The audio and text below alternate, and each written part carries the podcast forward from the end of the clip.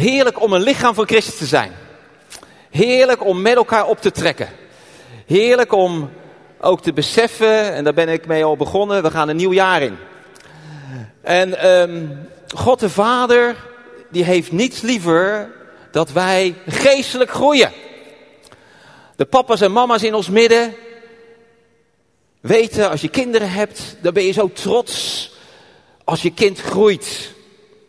Lichamelijk groeit, groter wordt, maar ook emotioneel groeit, leert in dingen op te pakken, daar ben je blij om. En God is blij met onze geestelijke groei. En dat wij ook ons opstellen van Heer, ik wil ook geestelijk groeien. En dan is het ook heel belangrijk dat wij, ja, ook in het begin van het nieuwe jaar, ook ons uitstrekken naar de Heer. Van Heer, op welke gebieden wilt u dat ik groei? Dat je dat, daar een gebedszaak van maakt. Heel veel mensen zijn het nieuwe jaar begonnen, christen of niet christen, met goede wensen. Dat kunnen er van alles zijn. Eh, allerlei dingen. De ene wil stoppen met roken, de andere wil stoppen met drinken. De andere wil ja, zijn eetpatroon wat beter gaan uh, managen. Uh, liever zijn voor je vrouw. Uh, beter om meer tijd met je kinderen of wat dan ook. Allemaal hele goede dingen.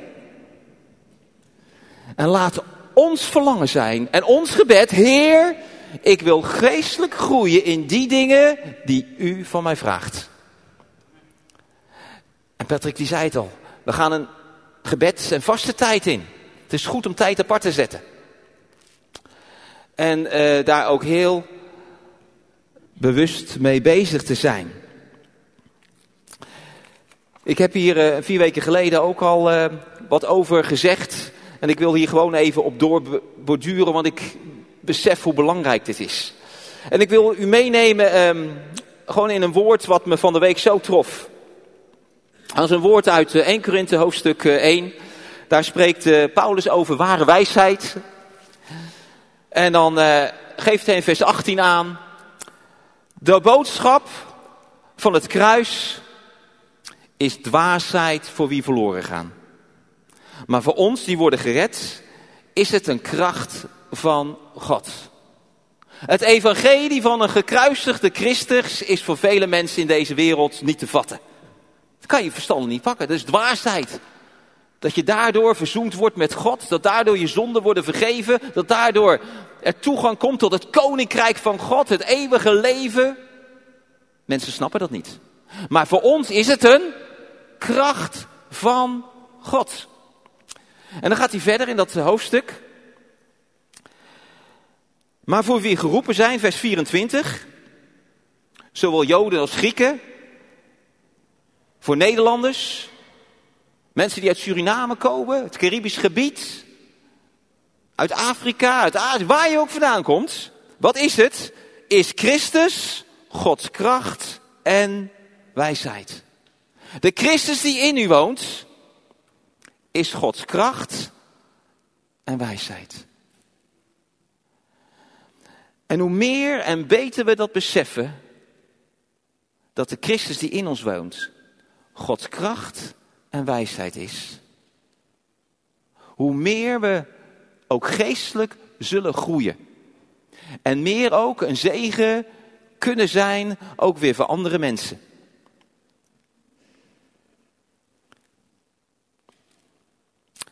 Christus woont in mij. Christus woont in jou met zijn kracht. Kracht om vol te houden. Kracht om stand te houden. Kracht te hebben als er weerstand is. Want er moet een geestelijke strijd waar ik straks dus meer over kan zeggen.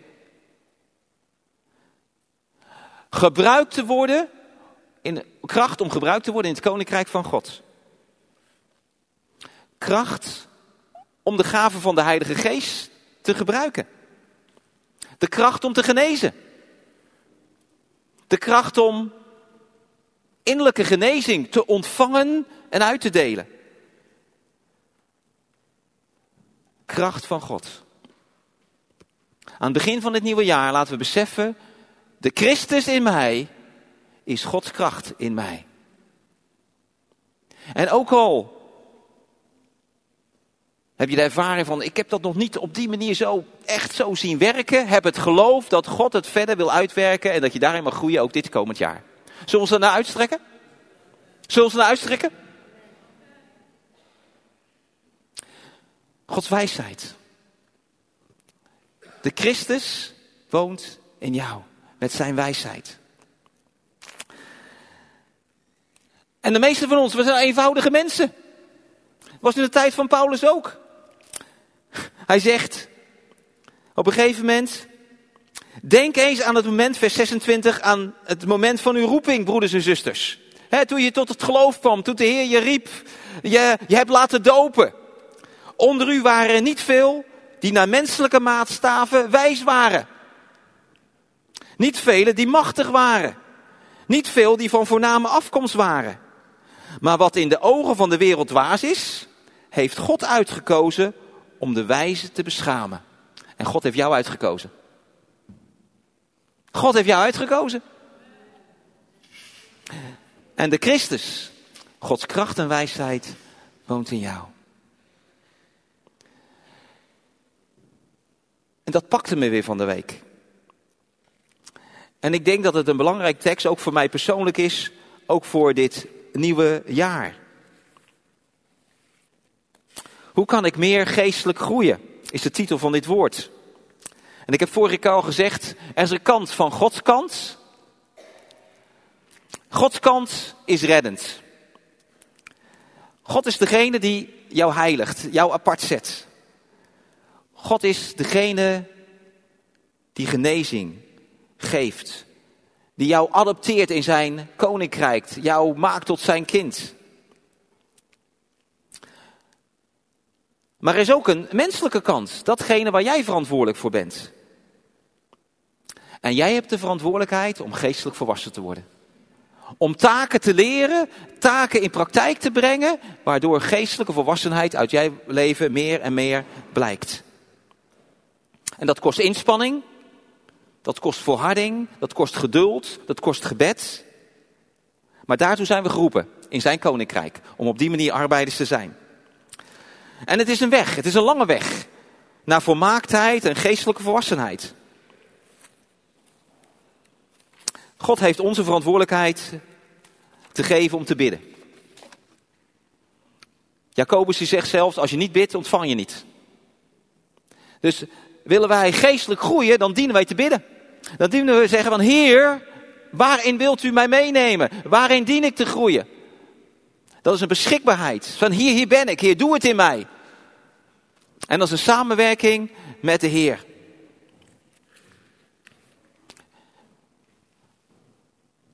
Ik dien te vergeven. Als mensen mij kwaad doen, mij niet goed behandelen. Ik moet daarvoor kiezen. Dat is een groei van in volwassenheid. En zo zijn er een heleboel dingen die we moeten doen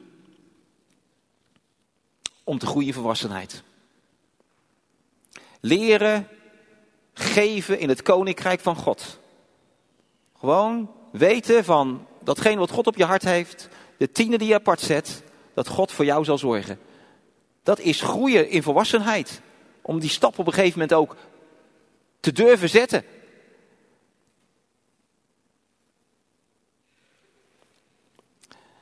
Dat we taken leren doen. Ik heb daar vorige keer iets over gezet. Dat een baby, die krijgt als het ware al taken mee.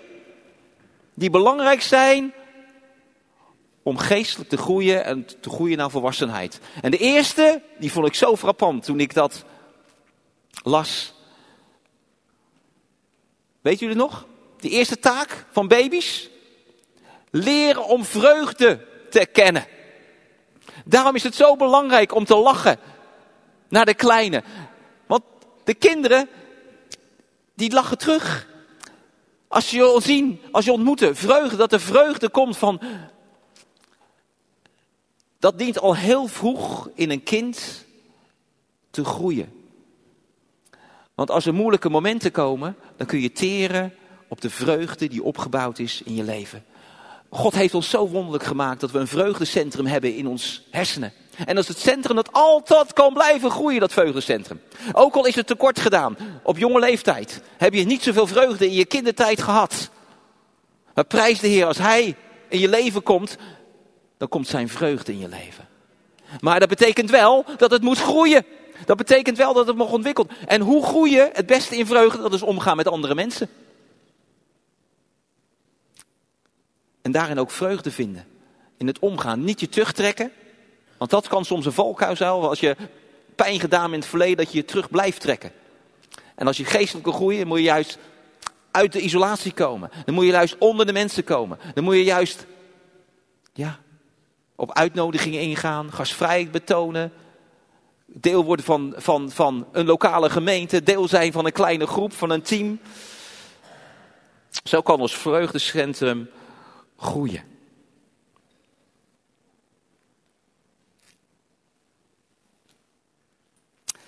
En als je ontdekt dat bepaalde terreinen in je leven nog niet goed ontwikkeld zijn, ga actie ondernemen.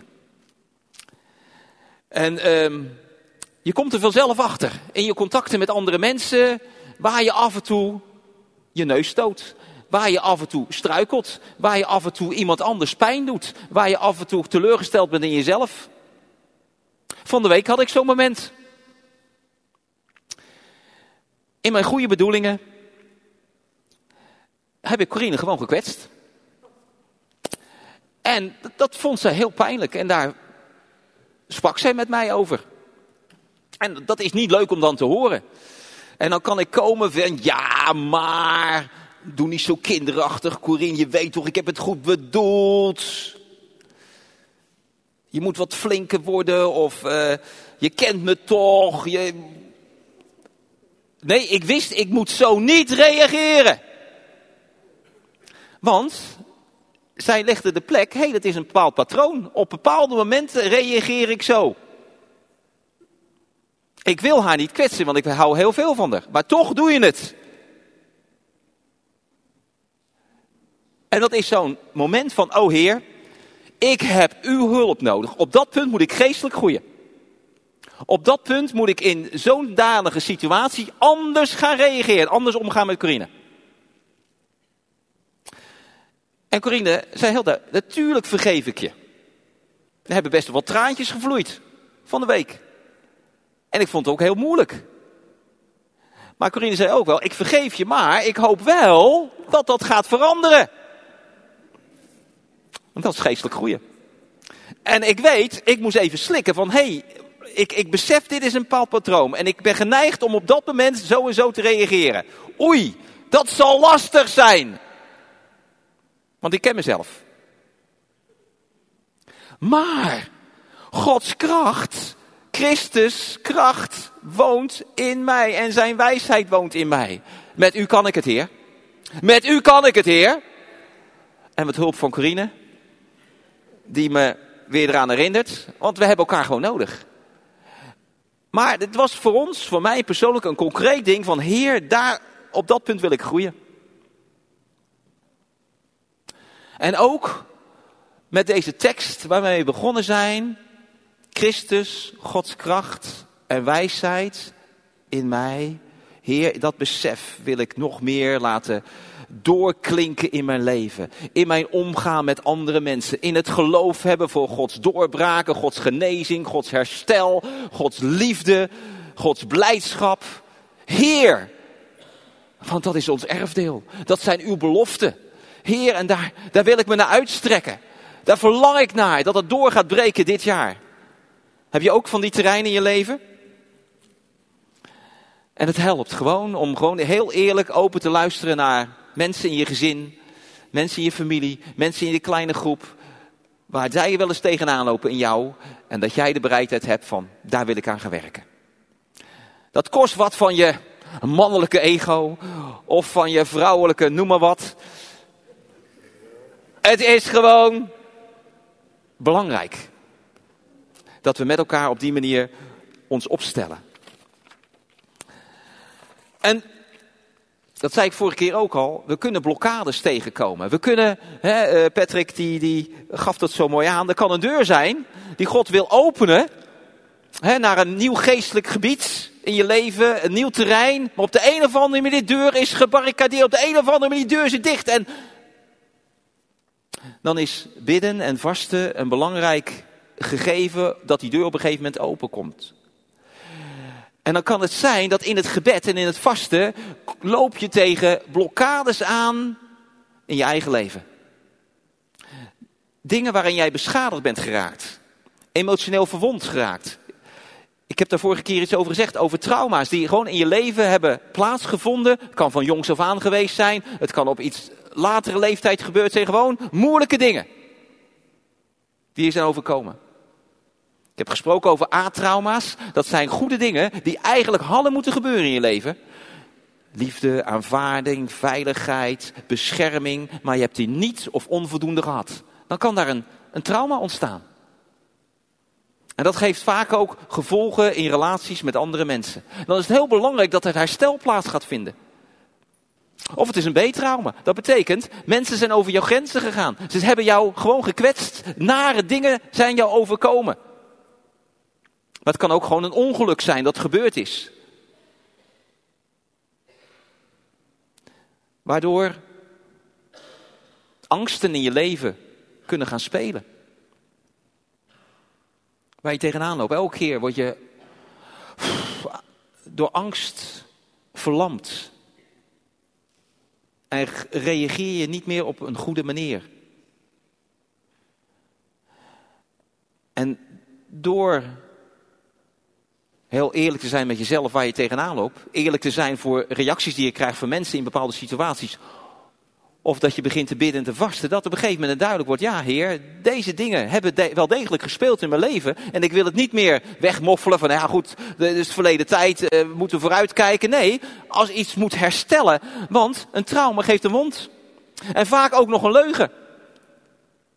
Een wond die moet genezen en een leugen moet verbroken worden en vervangen door waarheid. En dat is een proces. En dat is allemaal deel van het geestelijk groeien. En dat is heel belangrijk om daar heel serieus mee bezig te zijn. En als je er tegenaan op in je leven, dat je het ook bespreekbaar maakt. Gewoon met iemand anders, een hulpverlener, iemand verleverd wordt gespreksuur, uh, professionele hulpverlener, iemand die je vertrouwt, iemand met wie je weet, van daar kan ik mee delen, om het samen ook in gebed te brengen. Want God wil herstellen. God wil genezen. Christus Gods kracht en wijsheid woont in jou en in mij. En dat is een heerlijk gegeven. En um, wat ook naar voren komt, Corine refereerde er ook al, er woedt gewoon een geestelijke strijd. Um, het is oorlog. Letterlijk is het oorlog in een aantal, aantal landen, zoals de Oekraïne, zoals Israël. Gewoon oorlog. Er um, was ook een, um, een profeet, die was twee weken voordat die aanslag um, in 7 oktober begon, die, die voer, er is oorlog, er is oorlog, er is oorlog. En twee weken later begon de oorlog. Maar ook, ze voer, er, er, er is geestelijk oorlog. En van verschillende kanten hoor ik ook van, ik ervaar, er is zoveel geestelijke strijd. Misschien ervaar je dat ook. Op de een of andere manier. Er is een, een druk, er is een. En we weten, er, we hebben niet te worstelen tegen bloed en vlees. We hebben een geestelijke vijand.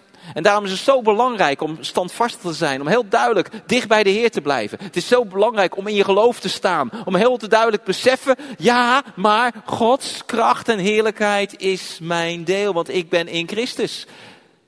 De Heilige Geest is bij mij. Efeze 6, aantal versen vanaf vers 10. Ten slotte, zoek uw kracht in de Heer, in de kracht van Zijn macht. En elke keer wanneer het woord kracht gebruikt wordt, de tekst die ik net heb genoemd uit 1 Korinthe uh, 1, dit gedeelte, Handelingen 1, wanneer de Heilige Geest over u komt, zult u kracht ontvangen. Dus elke keer het woord, Griekse woord dynamis. Dat is Gods dynamieke kracht, waar ons woord dynamiet van afgeleid is. Die kracht die is tot beschikking gekomen in Christus, door de Heilige Geest. Ten slotte zoek uw kracht in de Heer. Dat is dus niet je eigen kracht, het is de kracht van de Heer. In de kracht van zijn macht. Trek de wapenrusting van God aan. Om stand te kunnen houden tegen de listen van de duivel. Onze kracht is niet gericht tegen mensen, maar tegen de hemelse vorsten. De heersers en de machthebbers van de duisternis tegen de kwade geest in de hemelsferen. Neem daarom de wapens van God op om weerstand te kunnen bieden op de dag van het kwaad. En goed voorbereid, en goed voorbereid stand te kunnen houden. Houd stand met de waarheid als gordel om uw heupen. En dat is dan het eerste wapen van die wapenrusting wat hij gebruikt. Want ik zei net al, trauma's, nare ervaringen in je leven veroorzaken een wond, maar ook vaak een leugen. Dat je het niet waard bent, dat andere, God wil anderen zou helpen, maar jou niet, dat je slecht bent, dat je het niet verdiend hebt. Gewoon allerlei leugens. Het is heel belangrijk dat er een stuk herstel komt en dat je de leugens gaat vervangen door waarheid. Dat God wel degelijk een heerlijk plan, een heerlijke belofte voor jou heeft. Dat het niet alleen voor anderen is, maar ook voor jou.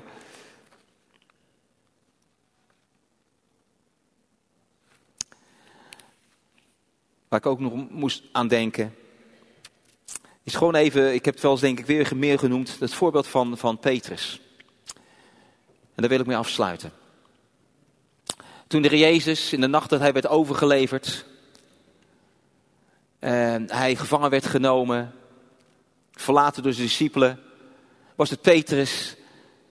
Ja, die er achteraan ging. Naar de hof waar eh, naar het gerechtsgebouw, eh, het voorportaal wat daar was. Want hij wilde zo dicht mogelijk bij Jezus zijn. Maar hij had hem toch in de steek gelaten. En daar werd hij op een gegeven moment herkend. Kennen we het verhaal? Hey, jij bent toch ook een discipel van Jezus? Jij was toch ook bij hem? En tot drie keer toe ontkent hij dat hij een discipel is van Jezus. De angst had toegeslagen. En Jezus had het voorspeld. Had het voorzegd. Petrus, voordat de haan kraait, zul je me drie keer verlogend hebben. Wat een pijnlijk moment moet dat geweest zijn voor Petrus. Wat een trauma. Hij had zijn meester verlogend. Hij had nog wel gezegd, heer, ik zet mijn leven voor u in. Maar hij heeft niet gedaan. Prijs de Heer. De Heer Jezus die weggegaan aan het kruis tot in de dood. Opgestaan uit de dood en hij openbaart zich aan de discipelen. En een aantal weken later zijn ze discipelen aan het vissen, meer van Tiberias. En uh, ze vangen helemaal niks. En de Heer Jezus openbaart zich en zegt, werp je net aan de andere kant en het zit vol met vis. En als ze aan de uh, wal komen, is daar Heer Jezus al en heeft al een, een kolenvuurtje met vis. En dan gaat de Heer Jezus in gesprek met Petrus. En hij vraagt, hou je van me Petrus? En Petrus zegt, ja natuurlijk, u weet toch dat ik van u hou wijd mijn lammeren. En dan vraagt Jezus een tweede keer, Petrus, hou je van me?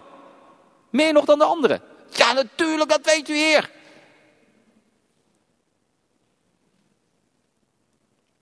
Hij zorgt voor mijn schapen, zegt Petrus.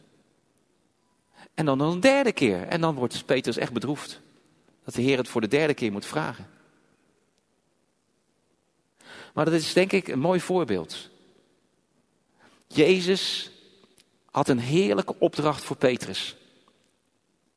Om te zorgen voor de mensen die ook tot geloof zouden komen. En Jezus bootst eventjes dat moment na waarop Petrus hem had verlogend. Daar bij een kolenvuurtje voor het gerechtsgebouw had, Je, had hij Jezus drie keer verlogend. En nu is daar weer een kolenvuurtje waar het vis op is. En Petrus wordt drie keer de vraag gesteld, hou je van me? Jezus was zo genadevol. Dat hij Petrus herstelde. Dat hij hem eigenlijk hielp om te genezen van dat trauma. Kan ik me zo goed voorstellen. wat Petrus had. Om hem de vrijmoedig te geven. Ja, maar je bent het waard om toch heen te gaan om een verkondiger van het evangelie te worden. En we schieten allemaal net als Petrus wel eens tekort. Heb je het ook wel eens gehad? Dat je zegt, eigenlijk was dit een uitgelezen kans om wat van mijn geloof te delen, te getuigen. En je hebt het toch niet gedaan. Op de een of andere manier, door schaamte, door angsten, eh, druk, andere dingen, heb je je kans voorbij laten gaan. Och, wat kun je rot voelen. En dan is daar altijd weer toch weer die genade van Jezus van, kom op. Niet opgeven. Ik geef weer een andere gelegenheid. En wat kun je dan blij zijn als je op een gegeven moment het wel oppakt? Emotionele wonden in ons leven kunnen een blokkade zijn om geestelijk te groeien. Daarom is het belangrijk om daarmee aan de slag te gaan, om daarmee af te rekenen, om hulp te zoeken. Opdat je beter kunt geestelijk groeien. En soms weet je het niet. Dan, dan is het. En dan is het goed om te bidden. Dan is het goed om te vasten. En dan gaan we, vol, dan gaan we de komende periode ook doen met elkaar. En ik, hoop dat je ja, het, het, uh, serieus oppakt. Dat we met elkaar het serieus oppakken van Heer. Want wij willen arbeiders zijn in uw koninkrijk. We willen als uw geliefde kinderen gewoon bruikbaar zijn. We willen in volwassenheid omgaan met elkaar. In ons gezin, uh, met anderen. En dat blokkades, leugens, wat dan ook, ja, opgeruimd worden. Je bent geroepen. In Christus. En Gods kracht en wijsheid woont in jou. Amen. God is goed. Halleluja. Um, laten we met elkaar gaan staan. Als je het gelegenheid, als je, als je kunt staan, graag.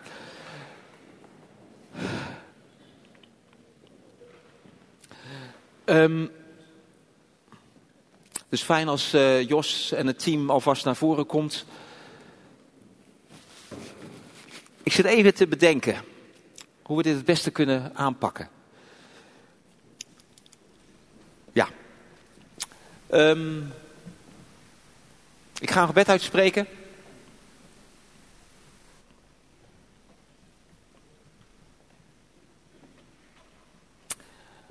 daarna, na dat gebed, zou ik het fijn vinden als je in koppels van twee, drie personen, als je dat wil, hoeft niet, gewoon even elkaar zegent. Um, er gebeurde in de dienst iets wat mij weer trof. Dat je beseft dat de Christus, Gods kracht en wijsheid in jou woont. God wil jou gebruiken. God wil jou gebruiken om een zegen te zijn voor anderen. De gaven van de geest kunnen, en, kunnen door jou bewegen. Jij kunt een zegen zijn door anderen door gewoon een gebed uit te spreken. Door iets, een indruk die jij krijgt van de Heer om iemand anders te zegenen. En dat we gewoon even stil zijn En kijken van, Heer, heeft u een bemoediging, een woord, heb je voor iemand om me heen? Dat we in kleine groepjes van twee, drie mensen gewoon eventjes elkaar zegenen. En het kan ook iets algemeens zijn van, Heer, ik bid voor geestelijke groei in mijn broer en in mijn zus. Voor dit jaar. Want Gods woord wil reinigend in ons midden werken en in onze levens. Dat we Greta die werd bepaald in de voorbid stond bij, ze zag darmen. Darmen die verteren ont voedsel, die halen de, het goede, de eten, dingen die goed zijn eruit. En die zuivert de dingen die niet goed zijn, die uh, worden weer afgevoerd. En dat Gods woord zo is, dat het reinigend, zuiverend is. En toen werd ze bepaald ook bij mij, want mijn darmen, daar is iets mis, daar is een ontsteking. En ik heb zo het geloof dat ook dit jaar daar een verandering gaat komen. En Kreta die kwam naar me toe en ik ervaar niet alleen dat dat een algemeen woord is van die darmen dat ze zuiverend werken, maar dat het ook voor jou persoonlijk is. En het trof mij en zeg, heer, dat is precies mijn verlangen dit jaar. En zo kunnen wij gebruikt worden, gewoon door een indruk die we krijgen in een bemoediging om iemand anders te zegenen. Dat er een doorbraak komt, dat er een geestelijke groei komt. Omdat we zegenend bezig zijn. Want Christus, Gods kracht en wijsheid woont in jou en in mij. Halleluja. Liefdevolle Vader. Hier staan wij, Heer. En wij zijn uw kinderen. Heer, de meeste van ons hebben voor u gekozen. Heer, en de meeste van ons hebben het verlangen, Heer, om geestelijke groeien. En soms hebben we gewoon even een aanraking, een, een, een aanwijzing van u nodig, een woord, een bemoediging. Waardoor wij weer verder gaan, Heer. En ik bid dat dat zal gebeuren dit jaar. En ik wil het vrijzetten. Heer, de Christus in ieder van ons. Gods kracht en Gods wijsheid. Dat dat zal werken. Dat het zal stromen. Dat er groei zal komen. Geestelijke groei bid ik over ieder hier aanwezig. Jong of ouder. Dat we met elkaar vrucht mogen dragen. Dat we met elkaar zien dat het koninkrijk van God ook baan breekt. Dat hij ons leidt in de gebeden. Dat hij ons leidt in het zegenen van elkaar. Dat vraag ik zo in de machtige en heerlijke naam van Jezus. Halleluja. Amen.